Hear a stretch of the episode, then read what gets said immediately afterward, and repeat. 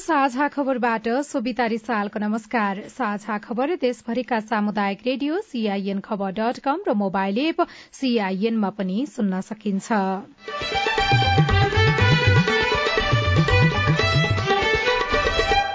निर्वाचन आउन उन्नाइस दिनमा कि समृद्ध नेपाल सुखी नेपालीको राष्ट्रिय संकल्पलाई निरन्तरता दिँदै एमालेको घोषणा पत्र सार्वजनिक निरोगी नेपाल सबल नागरिकको अवधारणा अघि बढ़ाउने मतदाता लोभ्याउने नीति लिएको विश्लेषकको टिप्पणी। यो घोषणा पत्र चाहिँ गुलियो छ तर खुद एमालेकै पृष्ठभूमिलाई विचार गर्दाखेरि यो असम्भव छ यो ललिपप जस्तो मात्रै हो। ठूला राजनैतिक दल चुनावी सभाको तयारी सहित निर्वाचन क्षेत्रमा केन्द्रित चुनावका लागि सुरक्षाकर्मी बाहेक दुई लाख छयालिस हजार जनशक्ति परिचालन हुने आयोगले थप नौ जनालाई सोध्यो स्पष्टीकरण। विभिन्न करिब नौ जनालाई आज विभिन्न राजनैतिक पदाधिकारीहरू अब शिक्षकहरू किन भएको यस्तो भन्ने कुराहरूको स्पष्टीकरण सोधेको हो। ललितपुर क्षेत्र नम्बर तीनका उम्मेद्वार डाक्टर कार्कीको उम्मेद्वारी कायम राख्न अन्तरिम आदेश। काठमाण्डुको क्षेत्र नम्बर एकमा सबैभन्दा धेरै उम्मेद्वार नेताहरू विकासको आश्वासन बाँड्दै तर कार्यान्वयनमा गम्भीरता कम। विकासका खास खास कार्यक्रमहरू। त्यहाँनिर दलहरूले मेरो विचारमा नब्बे प्रतिशत भन्दा बढी जुन कार्यक्रमहरू आउँछ नि विकासका ती चाहिँ खालि देखाउने दाँत हुन् खाने दाँत होइन। र पाकिस्तानमा गत वर्षको तुलनामा छब्बीस प्रतिशतले महँगी बढ़्यो टी ट्वेन्टी विश्वकप क्रिकेट। अन्तर्गत आजका खेलमा इङ्ल्याण्ड र श्रीलंका विजयी।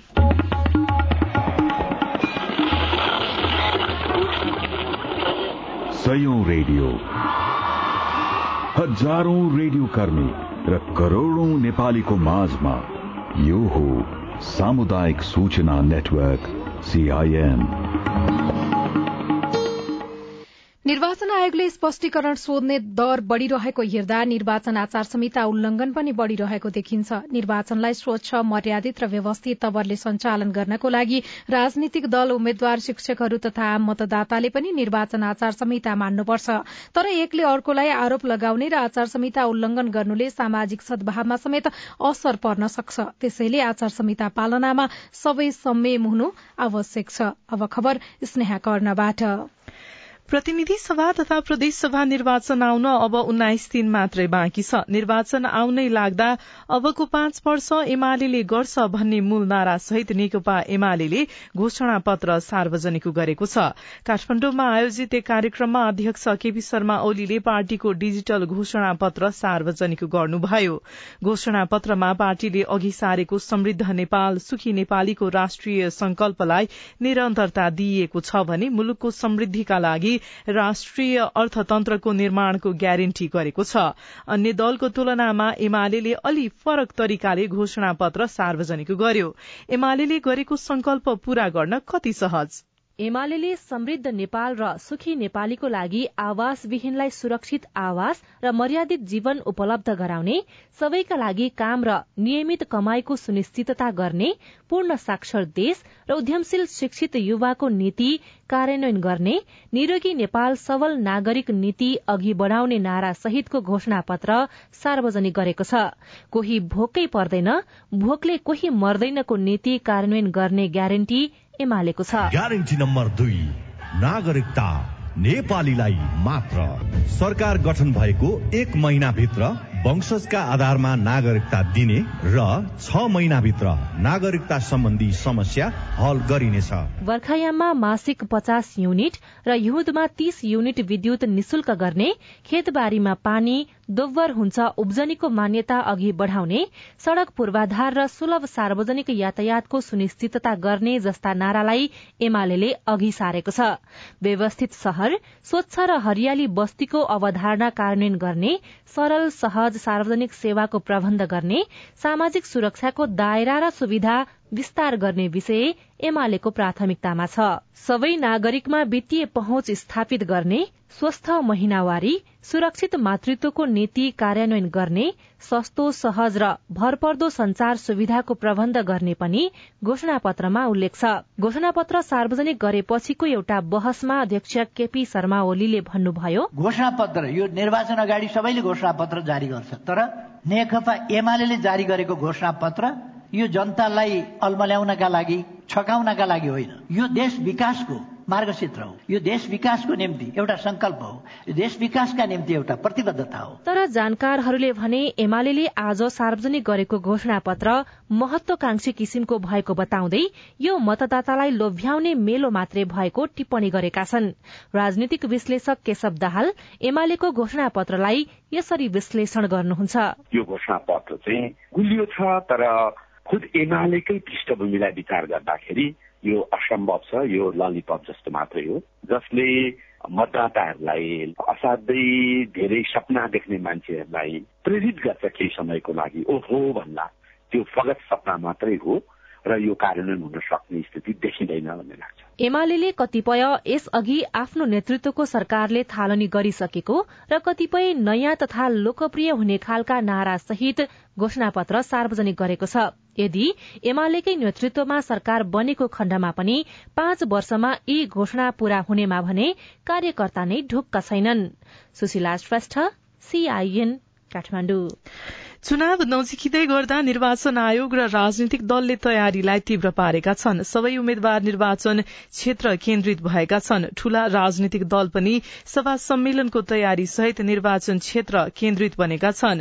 प्रधानमन्त्री तथा नेपाली कांग्रेसका सभापति शेर बहादुर देवा पनि अब आफ्नो निर्वाचन क्षेत्र डढेलधुरामा केन्द्रित हुनुहुने भएको छ। उहाँले आफ्नो निर्वाचन प्रचार प्रसारको लागि गृह जिल्ला डढेलधुरामा चार दिन बिताउनु हुने भएको हो।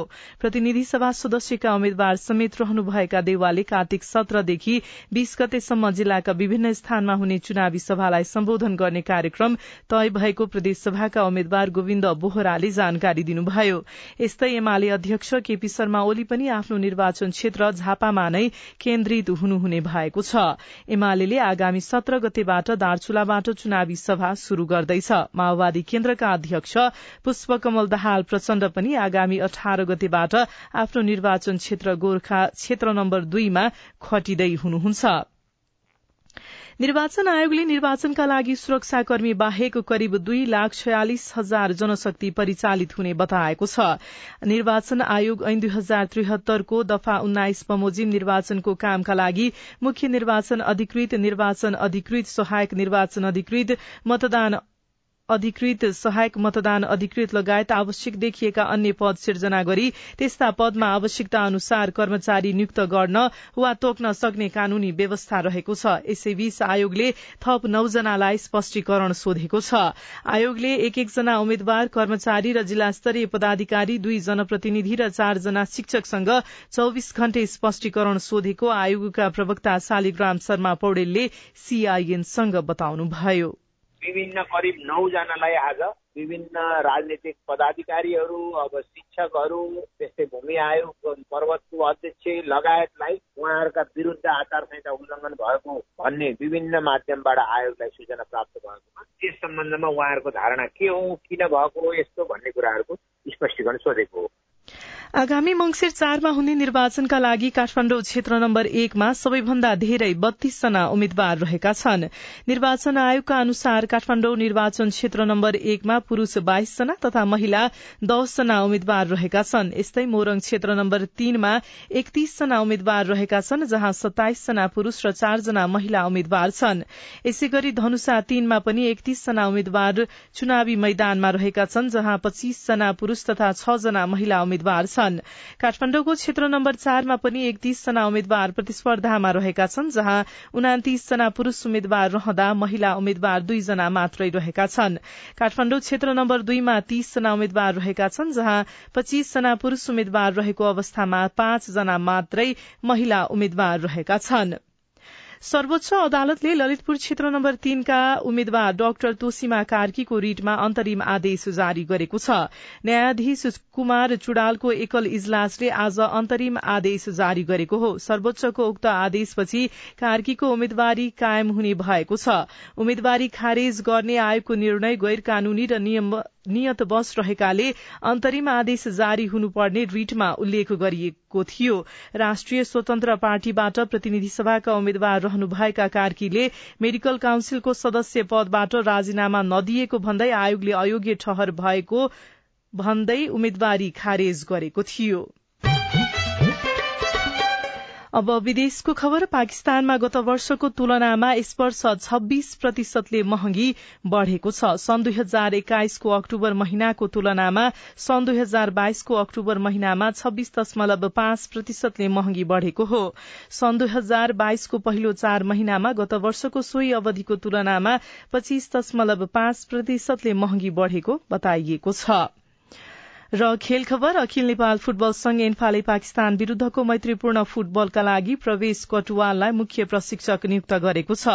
एन्फाले पाकिस्तानसँग हुने मैत्रीपूर्ण फुटबलका लागि कटुवाललाई मुख्य प्रशिक्षकको जिम्मेवारी दिइएको जनाएको हो। नेपालले कार्तिक तीस गते पाकिस्तानसँग दशरथ रंगशालामा एक मैत्रीपूर्ण खेल खेल्नेछ। मैत्रीपूर्ण खेलका लागि नवनियुक्त मुख्य प्रशिक्षक कटुवालले तीसजना खेलाड़ीलाई बन्द प्रशिक्षणमा बोलाउनु भएको छ र अस्ट्रेलियामा जारी टी ट्वेन्टी विश्वकप क्रिकेट अन्तर्गत आजका खेलमा इङ्ल्याण्ड र श्रीलंका विजयी भएका छन्।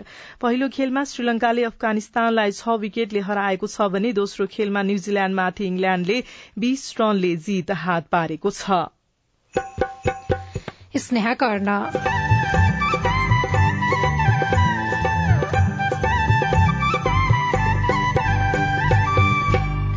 चुनावी चर्चा गुल्मीका उम्मेद्वार पहिले सहयात्री अहिले प्रतिस्पर्धी। जसले राम्रो काम गर्छ जसले विकासका निर्माणहरू अघि बढाउँछ त्यस्तोलाई मैले भोट दिने विचार छ। निर्वाचनको रौनक बढ़्यो। रिपोर्ट दलहरूका घोषणा पत्रमा लेखिएका विकासे योजना पूरा हुने सम्भावना कति? कुराकानी लगायतका सामग्री बाँकी नै छन्। सीआईएनको साझा खबर सुन्दै गर्नुहोला। नमस्कार म रुबिना तामाङ।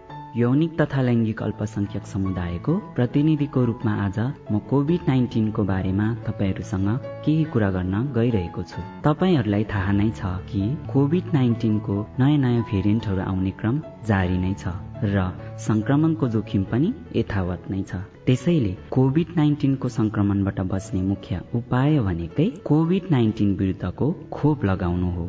सरकारले उपलब्ध गराए अनुरूप पाँच वर्षदेखि बाह्र वर्ष मुनिका सबैले पहिलो र दोस्रो मात्रा तथा बाह्र वर्ष माथिका सबैले बुस्टर डोजको मात्रा समेत लगाउनु पर्दछ। खोपले कोभिड नाइन्टिन संक्रमण र मृत्यु दर घटाउनमा ठूलो भूमिका खेलेको छ।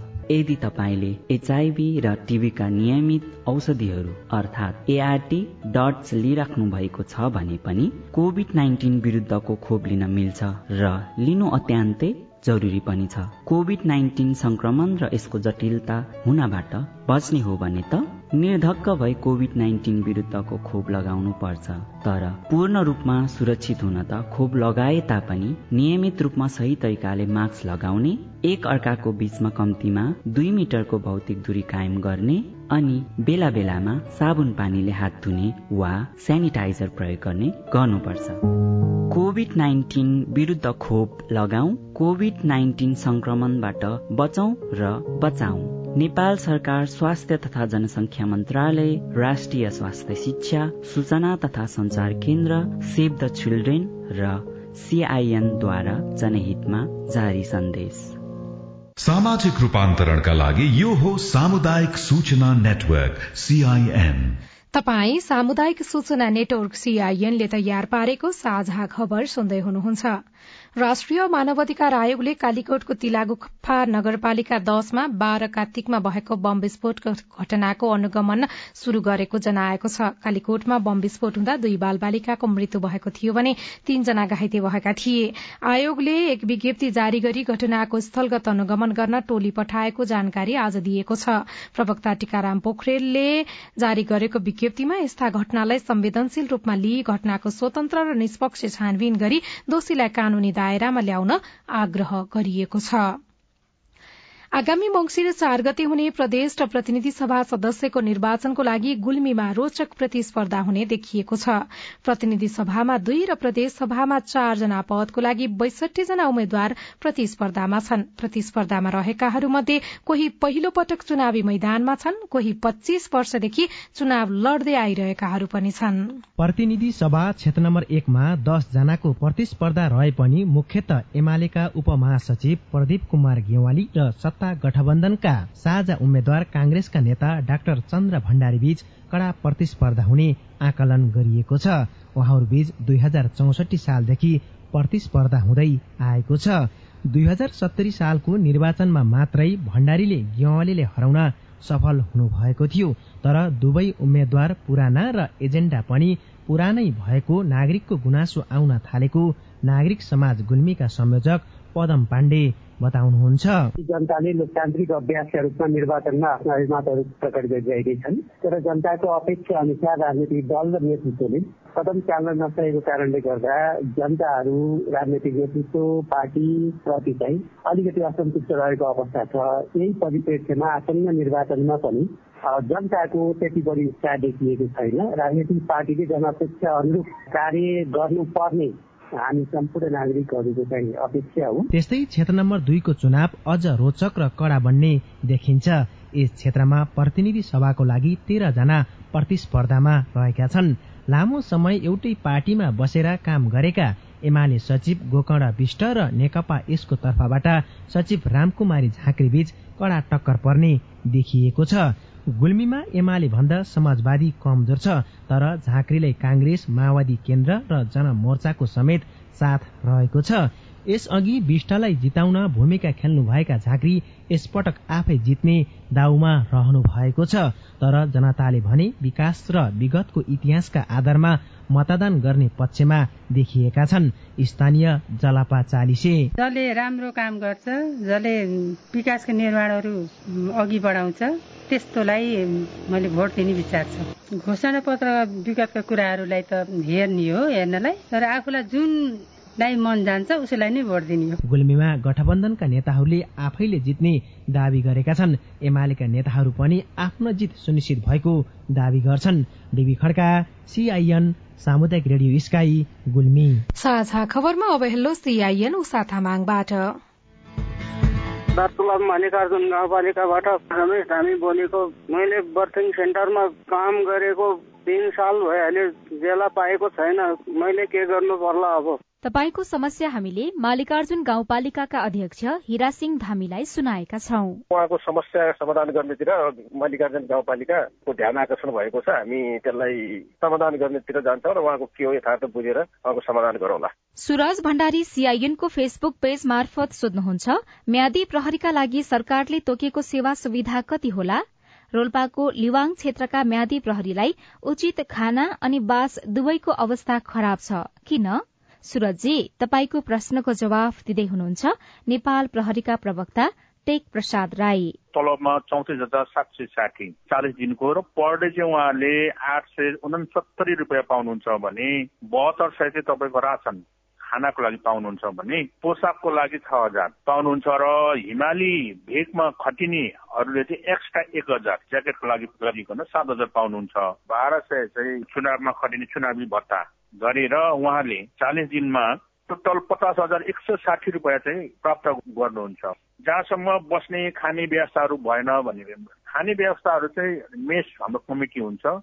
मेस कमिटी भनेको त्यहाँको हाम्रो प्रहरीहरू पनि मिलेर आफै बनाउँछन्। खानेकुराहरूमा जे छ उहाँहरू कमिटीले बनाएर त्यो अनुसार चाहिँ खाने हो। त्यो बाहेक बस्ने कुराको सवालमा हामीसँग जे छ म्याचीको लागि भनेर एक्स्ट्रा भवनहरू निर्माण गर्ने अवस्थाहरू पनि छैन।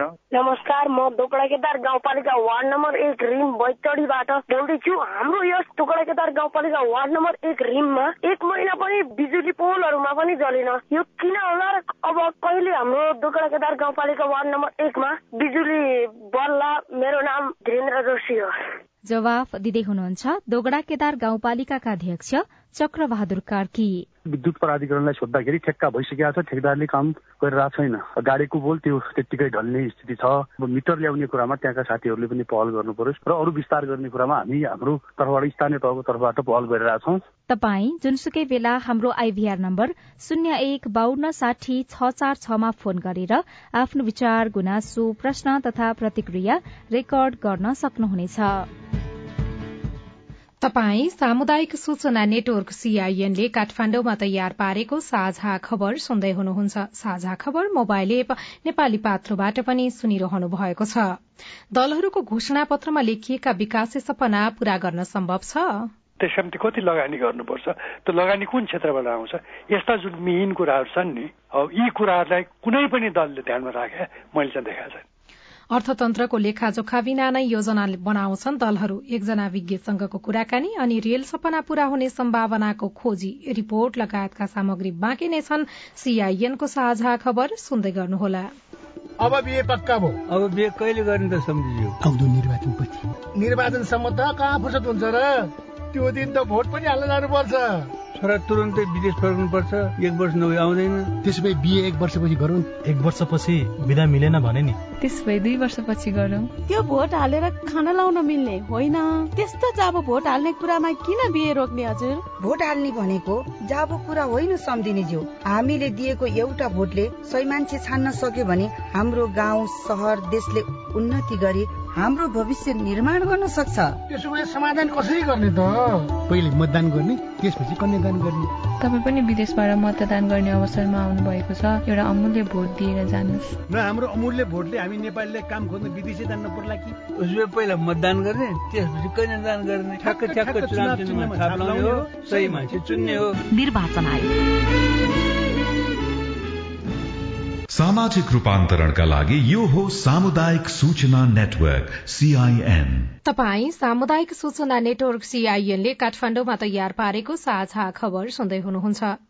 पञ्चानब्बे वर्ष अघि नै शुरू भएको जनकपुर जयनगर रेललाई विस्तार गर्दै लैजाने सरकारको योजना रहे पनि त्यसो हुन सकेको छैन।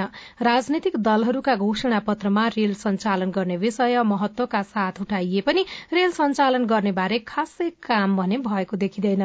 नेपालमा सन् उन्नाइस सय सत्ताइसमा सड़चालिस किलोमिटर लामो रक्सोल अम्लेखगंज र सन् उन्नाइस सय सैतिसमा बाहन्न किलोमिटर लामो जयनगर जनकपुर बिजलपुरा रेल सञ्चालन गरिएको थियो। सन् उन्नाइस सय सत्तरीमा रक्सोल अम्लेखगंज रेल सेवा बन्द हुनु अघि तराईका नागरिकले आवत जावतका लागि रेल प्रयोग गर्थे। अब रेल गुडेको भने पहिला नेपालमा माछा देशमा गुड्थ्यो काठमाडौँ माछा तीर्थमा रुप लाइनबाट आएको सामानहरू अनि त्यो रेलमा राखेर त्यहाँ माछा तीर्थ अनलोड भएपछि अनि रेलमा राखेर अहिले पार्टीसम्म तल तान्थ्यो अरे भन्थे अनि यो बिरिगञ्ज अमृतगञ्ज आयो हाम्रो नेपालमा। त्यति गुड्थ्यो रेल नेपालका लागि एक महत्वाकांक्षी सपनाका रूपमा रहेको छ। यसअघि प्रधानमन्त्री केपी शर्मा ओलीको पालामा जोड़तोड़का साथ उठाइएको चुच्चे रेलमाथि कतिपयले अझै व्यङ्ग्य गर्ने गरेका छन्। रेललाई यसपटकको निर्वाचनमा पनि राजनीतिक दलले एजेण्डा बनाउन बिर्सेका छैनन्। रेलको महत्वबारे बताउँदै घोषणा पत्र लेखनमा संलग्न नेपाली कांग्रेसका नेता तथा राष्ट्रिय योजना आयोगका पूर्व उपाध्यक्ष डाक्टर गोविन्द राज पोखरेल। रेलको सर्वप्रथम सम्भाव्यता अध्ययन गर्नु पर्यो तर त्यो सम्भाव्यता अध्ययनले आर्थिक उपादेयता वातावरणीय प्रभाव र त्यसको प्राविधिक पक्ष हाम्रो अर्थतन्त्रले धान्न सक्ने किसिमको भयो भने मात्र त्यति बेला निर्णय गर्ने भनेर हामीले घोषणा पत्रमा लेखेका छौं। संयुक्त राष्ट्र संघको ट्रान्स एसिया रेलवेको अवधारणामा हस्ताक्षर गरेपछि मेची महाकाली र काठमाडौँ पोखरा लुम्बिनी रेल चलाउने तथा सीमा क्षेत्रमा भारतीय रेल जोड्ने परियोजनाहरू बने। केरूङ काठमाडौँ रेलको चर्चा पनि भयो। रेल सञ्चालन गर्न दुई हजार अडसठी सालमै रेल विभाग स्थापना गरेर काम पनि थालियो तर प्रचारका कुरा प्रशस्तै भए पनि काम भने खासै भएको छैन। रेल विभागका प्रवक्ता अमन चित्रकार। पहिलो भयो हाम्रो पूर्व पश्चिम रेल जुन हाम्रो नेपालले आफ्नै स्रोतले बनाउने काम गरिरहेछ तर त्यसको चाहिँ अब गति अलि ढिलै छ। जुन गतिमा काम हुनुपर्ने हो त्यो गतिमा हुन सकेका छैन।